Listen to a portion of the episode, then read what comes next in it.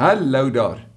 En baie welkom. Baie baie dankie dat jy kies om jou kosbare tyd saam met ons te deel ook op hierdie platform dat jy saam met ons wandel, saam met ons reis en vandag saam met ons stil staan by die tweede deel van Lukas 21. Ons is deel van hierdie heilige week. Dis hierdie heilige Dinsdag as dit ware op pad na die heilige naweek, die Paasnaweek, heilige Vrydag en dies meer. En in hierdie heilige week staan Jesus stil op hierdie Dinsdag met hierdie baie baie lering getuienisse, ehm um, gelykenisse wat hy deel oor die koninkryk, oor dit wat kom. As jy kan onthou verlede week het ons stil gestaan by die gawe van die arm weduwee waar Jesus kom sê het maar hierdie girl, hierdie vrou se se toewyding is so sigbaar en en en dit wat sy daar in die sagte stilte agter doen blaas hy as dit ware uit op hierdie vir almal om te hoor hy hy lig dit uit as 'n teken van ware toewyding en dan vertel hy vir hulle van hierdie tempel wat vir hulle so kosbaar is waaroor hulle so trots was en en waaroor daar wêreldwyd gepraat was en hy sê hierdie tempel gaan verwoes word en dan soek hulle tekens en dan sê Jesus maar daar gaan tekens wees en daar gaan normale natuur rampe ook wees soos oorlog gaan daar gebeur, maar daar gaan aardbewings wees en hongersnode. Maar dis nie die tekens van die finale tyd nie. En Jesus berei hulle voor om te sê die die natuur gaan dit moeilik hê. Die die die sosiale omstandighede in die wêreld gaan moeilik wees. Vervolging gaan moeilik wees en binne dit alles moet julle volhard, moet julle vasbyt. So hy's besig om sy disippels te leer en veral vir die apostels te leer van 'n wêreld wat vir hulle binnekort gaan aanbreek.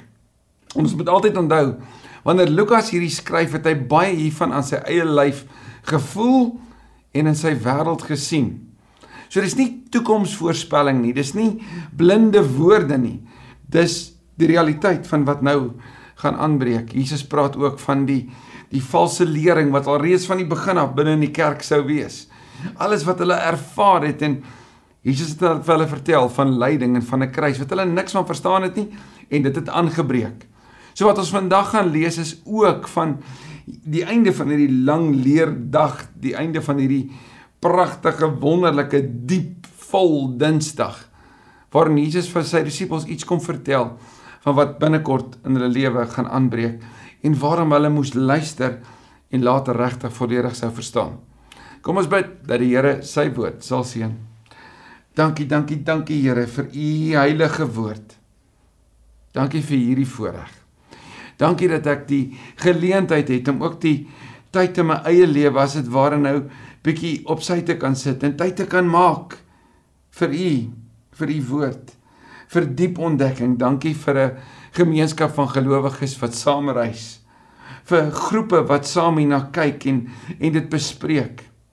vir mense wat op hierdie oomblik sê Here, ek is so desperaat op soek na u.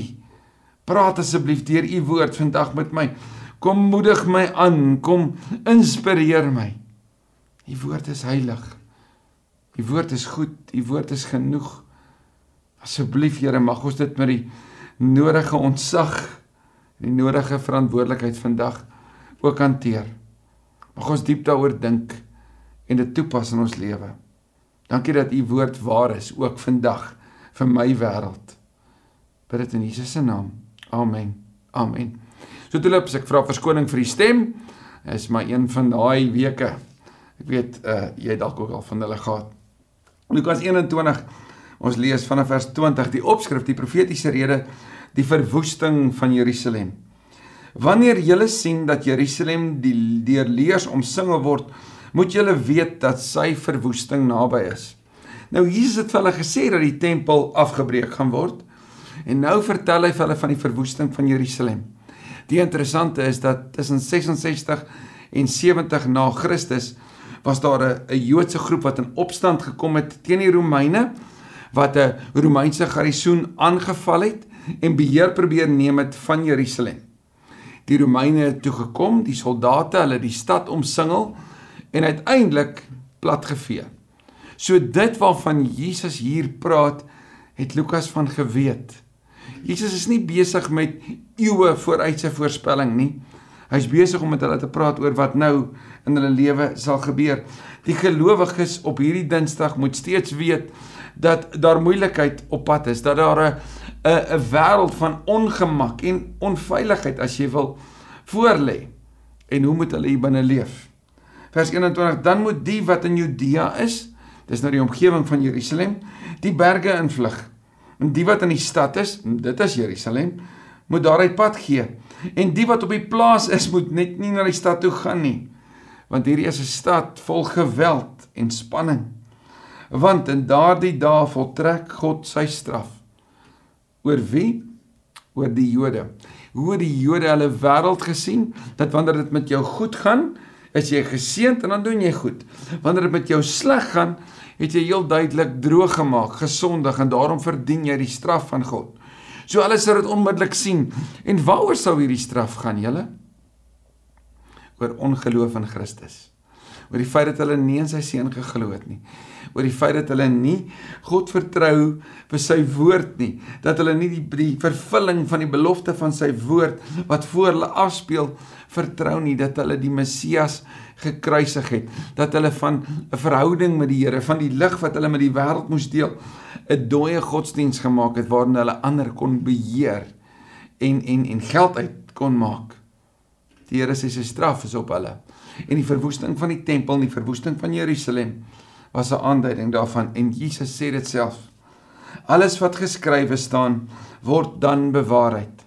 Interessant Handelinge 1 vers 8 sê: "Julle sal krag ontvang en julle sal my getuies wees in Jerusalem en Judea en Samaria tot in die uithoeke van die wêreld." En mense sou jouself kan vra, "Maar hoe word dit waar?"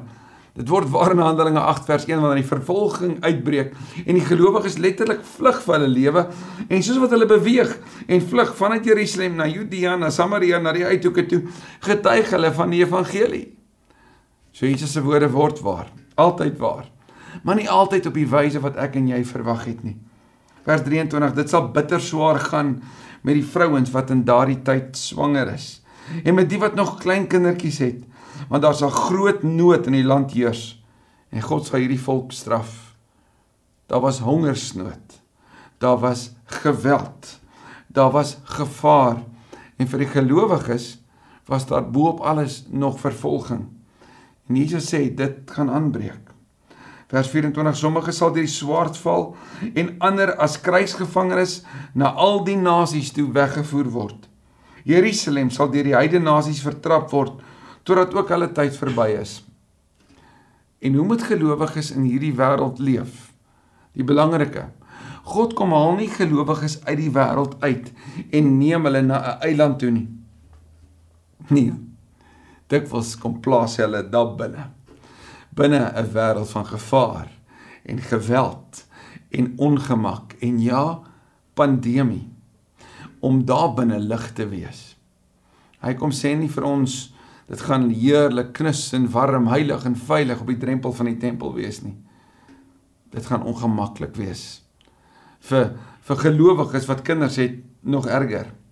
Want God se straf is op die ongelowiges, hulle wat nie glo nie.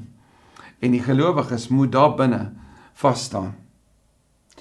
Vers 25 daar sal tekens wees aan son, maan en sterre. Op die aarde sal daar radeloosheid onder die volke wees. Uit angs van vir die gebulder van die see en sy vloedgolwe. Die mense sal beswyk van vrees. Wat 'n baie besondere hiperbool van angs. Jesus sê mense sal so angstig raak dat hulle sal doodgaan daarvan. Wat 'n intense intense toekoms beskryf Jesus nie hier nie en spanning oor die dinge wat deur die hele wêreld aan die kom is, want die kragte van die hemelruim sal ontwrig word. As ons uit Matteus 24 hierna gaan kyk, dan gaan jy sien Matteus se vertelling hiervan is in die lig van gesprekke oor die wederkoms. En en as ons hierdie twee bymekaar sit, dan sien jy wat Jesus hier vir hulle beskryf is een die direkte wêreld van wat voorlê net na sy hemelvaart wat hulle nie van geweet het nie En Jesus beskryf die wêreld van hoe dit sal lyk by sy wederkoms. Die wêreld wat sy wederkoms vooraf sal speel. En jy gaan dit deur die eeue heen sien, dit gereeld gebeur, gereeld gebeur. Tye van ongemak en oorlog. En elke keer is nou maar hierdie tipe tekste gegryp, ook soos nou. En gesê maar dis nou die einde, dis nou die tekens van die tyd. En Jesus wil vir ons kom vertel hoe om in so 'n ongemaklike wêreld te kan leef as mense met hoop mense met die oog op 'n nuwe wêreld wat aan die kom is. Vers 27 en dan, hoor jy daai hoop? Daai hoopverklaring dat te midde van hierdie ongemaklike wêreld waar jy eintlik wil ontsnap, waar jy eintlik 'n 'n 'n uitkom kans wil hê, sê Jesus, daar kom 'n tyd, gelowige hou vas en dan sal hulle die seun van die mens met groot krag en majesteit op die wolke sien kom. Hier's wat ek en jy uit moet vat. Dit is 'n feit. God het geskep. Dit is 'n feit. Jesus het gekom. Dit is 'n feit hy het gesterf. Dit is 'n feit hy het opgestaan. Dit is 'n feit hy het hemel toe gevaar. Hierdie alles is waar. Dit is 'n feit hy kom weer. Dis 'n feit. Terwyl ek weet hy het hy het gekom en hy kom weer, kan ek en jy daarom in hierdie spasie, in hierdie ruimte van nie weet nie, met sekerheid leef, met hoop leef. Want die feit dat hy gekom het en die feit dat hy kom, verander alles onder ons. Gee vir my 'n nuwe wêreldbeeld, 'n nuwe rede om om met hoop te midde van trauma by mense te kan sit om om terwyl ek saam huil te weet maar die Here droog trane af. Om te midde van moeilike vrae waarvan ek soms nie die antwoorde het nie, te kan sit en sê maar ek stoei saam met jou want ek weet hy kom. Ek verstaan nie altyd alles nie. Ek het nie noodwendige verklaring of 'n verduideliking hiervoor nie. Dis net verskriklik erg nou. Maar ek weet hy kom. En ek weet dit want hy het gekom. En ek weet hy het opgestaan. En dis nie net 'n pie in the sky when you die nie. Dis nie net 'n teoretiese ideologie nie. Dis waar. Ons staan op die skouers van die getuies van hulle wat self daar was. En omdat dit gebeur het, kan ek leef met hoop. Kan ek weet dat daai dag gaan kom wanneer die wolke gaan oopbreek, die hemel gaan skeur, van die seun van die mens gaan aarde toe kom, sy bruid toe kom haal. Julle sal hom in majesteit op die wolk sien kom, hierdie wolk wat Lukas van weet waarna hulle hom gesien gaan het. As en onthou die wolk in die Ou Testament teken van God se teenwoordigheid. So as dit bewolk is in jou lewe, onthou, die Here is daar. Vers 28: As hierdie dinge gebeur, staan dan regop. Lig julle koppe op, want dan is julle verlossing naby. Tel jou kop op. Moenie so mismoedig wees nie. Moenie so te neergedruk raak nie. Moenie so moedeloos word oor 'n wêreld wat wat wat so so ongemaklik en onverklaarbaar moeilik by tye is nie. Dat jy vergeet van die hoop nie. Tel jou kop op want hy kom. En hy is aan die kom. En die woord verlossing daar in die in die Grieks is die woord apolutrosis en dit verwys na die losmaak, die vrymaak van 'n slaaf. Jy kan meer gaan lees oor dit in En byvoorbeeld Romeine 6 wanneer Paulus sê julle was slawe maar julle is nou vry.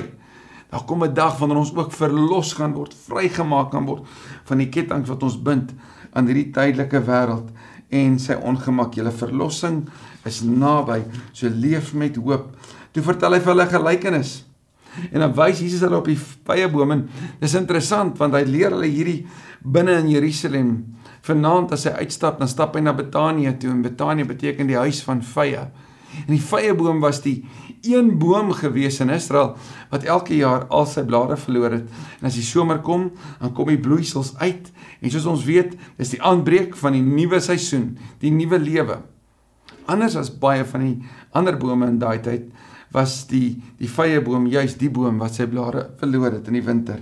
Hy vertel toe vir 'n gelykenis. Let op die vyeboom en die vyeboom is ook as jy gaan kyk in Hosea en dis meer dink aan aan goed soos Hosea 9 vers 10, Lukas 13 verwys ook daarna 'n beskrywing van Israel. So die Here verwys na Israel wanneer hy die beeld van 'n vyeboom gebruik. Jesus sê net op die vyeboom en al die ander bome. Sodra julle sien dat hulle begin uitloop, weet julle van self dat die somer naby is. Net so moet julle ook wanneer julle hierdie dinge sien gebeur, weet dat die koninkryk van God naby is. Dit sê gelowiges wanneer die wêreld moeilik is, leef met 'n verwagting, die koninkryk is naby. Vir die van ons wat al 'n klomp jare aangestap het. Jy's dalk 70, 75 jaar oud. Jy kyk terug en jy sê ek het 'n lang lewe gehad, maar weet jy wat? Dit het in 'n oogvink verbygegaan. Was vinnig verby. Vir jou is die koninkryk naby vir jou so jy kan verstaan hoekom wanneer Jesus hierdie sê dat dit vir elke generasie iets is wat so intens naby is. Wanneer ongemak kom, weet die koninkryk is naby. Wanneer die oorlog kom, weet dit is naby. Jy mag dalk voel maar die koninkryk word uitgestel. Ja, 2 Petrus 3 sê dit word nie uitgestel net ter wille van nie, maar God wil hê almal moet gered word. So die indringendheid van hierdie boodskap dat dit die evangelie die uithoeke moet bereik, moet die wêreld bereik en dit moet by ons elkeen 'n dringendheid wees want ons tyd is min. En tyd gaan vinnig verby. Leef dus met 'n bewustheid, maar leef ook met die sekerheid dat die koninkryk naby is. Tel jou kop op en leef. Vers 32, dit verseker ek julle, nog in die leeftyd van hierdie geslag sal al hierdie dinge gebeur. Beteken dat die wederkoms sou kom. Maar Lukas sou sê ek 30 jaar later as wat Jesus hierdie gesê het, hierdie geskryf en dit het nog nie gekom nie. So wat beteken dit dan vir die gelowiges in daai tyd? Beteken sien julle Jesus het gesê Jerusalem gaan val en hy het geval. Die geslag beteken die huidige geslag. Die een van nou leef nou met die bewustheid die koninkryk kan kom. Leef nou daarmee beteken nie dat Jesus was onseker geweest oor wanneer dit sou gebeur nie. Maar dit gaan oor hierdie geslag, sy mense sou sy woorde in vervulling sien kom. Die hemel en die aarde sal vergaan, sê Jesus, maar my woorde nooit. Kyk dat teenstrydigheid. Die tydelike van die skepping teen die ewige van God se woord. En as God se woord ewig is, kan ek vir altyd daaraan vashou.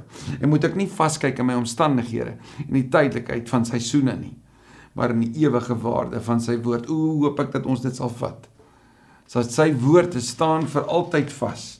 In die begin was die woord daar, reg in die begin sê Johannes 1. In die begin was die woord daar, die woord was by God en die woord was self God. Hierdie woord moet ons aan vashou. Die profetiese rede, die vermaaning tot waaksaamheid en hierdie moet ek en jy ook ons lewens oopstel vir oggend om te hoor. Hoe moet ek leef te midde van hierdie wêreld? Jesus sê vers 34: Wees julle en nou praat hy met sy apostels sy naby gelowiges. Hy praat met hierdie mense wat toegewyd aan hom is. Jy sou kon sê goedgelowiges. Wees julle op julle hoede dat julle gees nie deur onmatige eetery en drinkery en deur die sorges van die lewe afgestomp word nie. Drie goed wat jou kan wegvat van God af. Oormatige eetery en drinkery. Gluttony, soos die Engelse sê, en verslawing aan drank en die sorges van die lewe. En is dit nie so nie? Vergryping neem ons weg, dit maak ons afgestomp. Baie dikwels is dit so dat die druk van die sorges van die lewe maak dat mense hulle vergryp aan iets wat net, hulle sou sê, my help cope. Die waarheid is dit maak my afgestomp vir hierdie wêreld en vir die lewe. Maak my hier binnekant doof vir die stem van die Here. Want hy vergryp my aan dit buite in plaas van om vas te hou aan hom. Die woord onmatige eetery in die Grieks is die woord kraipalei en dit kan vertaal word met 'n 'n 'n vergryping en 'n afhanklikheid van drank om sonder morele beperking voort te gaan om so dronk te raak dat jy net aankarring dat jy jouself bevredig op wyse wat wat nie beperking het nie daar's nie eers 'n 'n 'n 'n raamwerk waarmee jy sê dis nou genoeg nie. So Jesus sê pas op dat jy jou nie vergryp nie. Pas op dat jy nie dronk word nie. Pas op dat jy nie jouself afgestomp raak van hierdie wêreld van wie jou sorges oor hierdie lewe nie. En dat daardie dag jy nie onverhoets soos 'n vangnet oorval nie. Hy praat nie met ongelowiges nie. Hy praat nie met liggelowiges nie. Hy praat met goedgelowiges. Soos hy dit vir hulle sê, hoeveel te meer moet ek en jy dit nie hoor nie. Pas op, pas op, pas op dat jy nie afgestomp raak nie. Daardie dag sal skielik op al die bewoners van die hele aarde neerkom.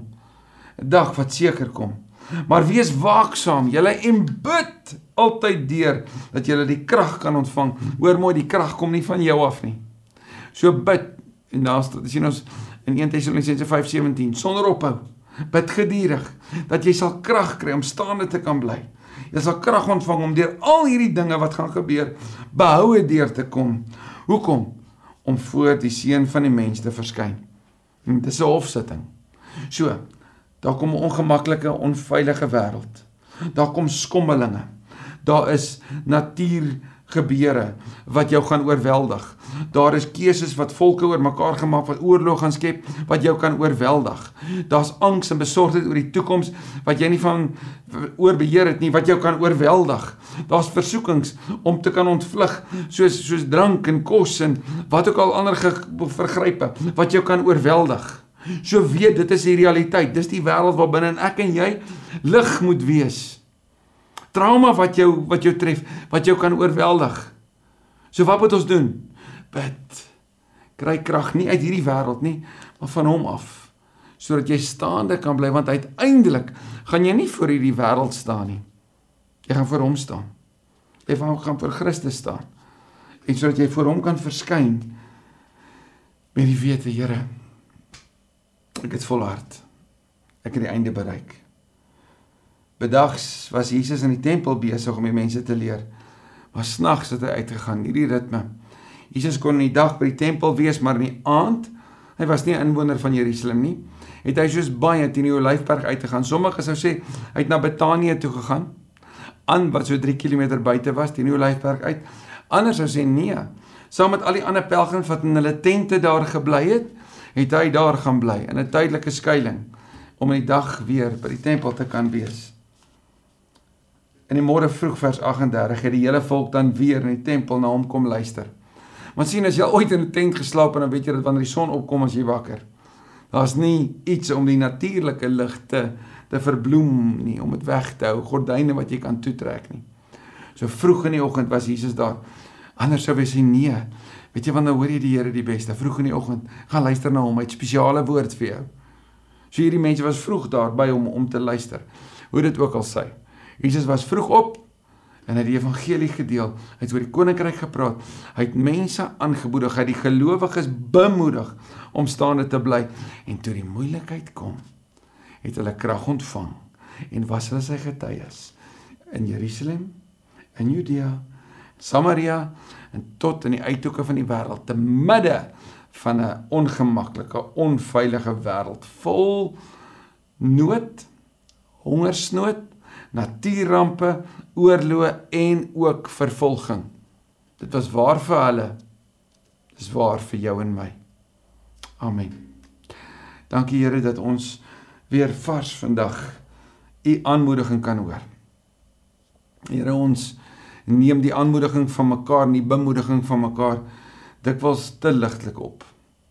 Dink vandag aan Hebreërs 10 wat sê ons moenie van die samekomste van die gemeente samekomste van die gelowiges af wegbly soos party se gewoonte is nie maar ons moet mekaar eerder daarin aanmoedig en dit des te meer ons die oordeelsdag sien naderkom dankie vir die aanmoediging van u Heilige Gees vandag dankie dat Hebreërs vir ons kom sê luister na die skare geloofsgetuies hou jou oog op Christus en maak die wedloop klaar dankie dat ek vandag kan weet dat ek my kop kan optel uit my situasie uit uit my omstandighede uit en met verwagting kan leef dat Christus enige oomblik kan kom en dat dit daarom kan verander hoe ek vandag leef.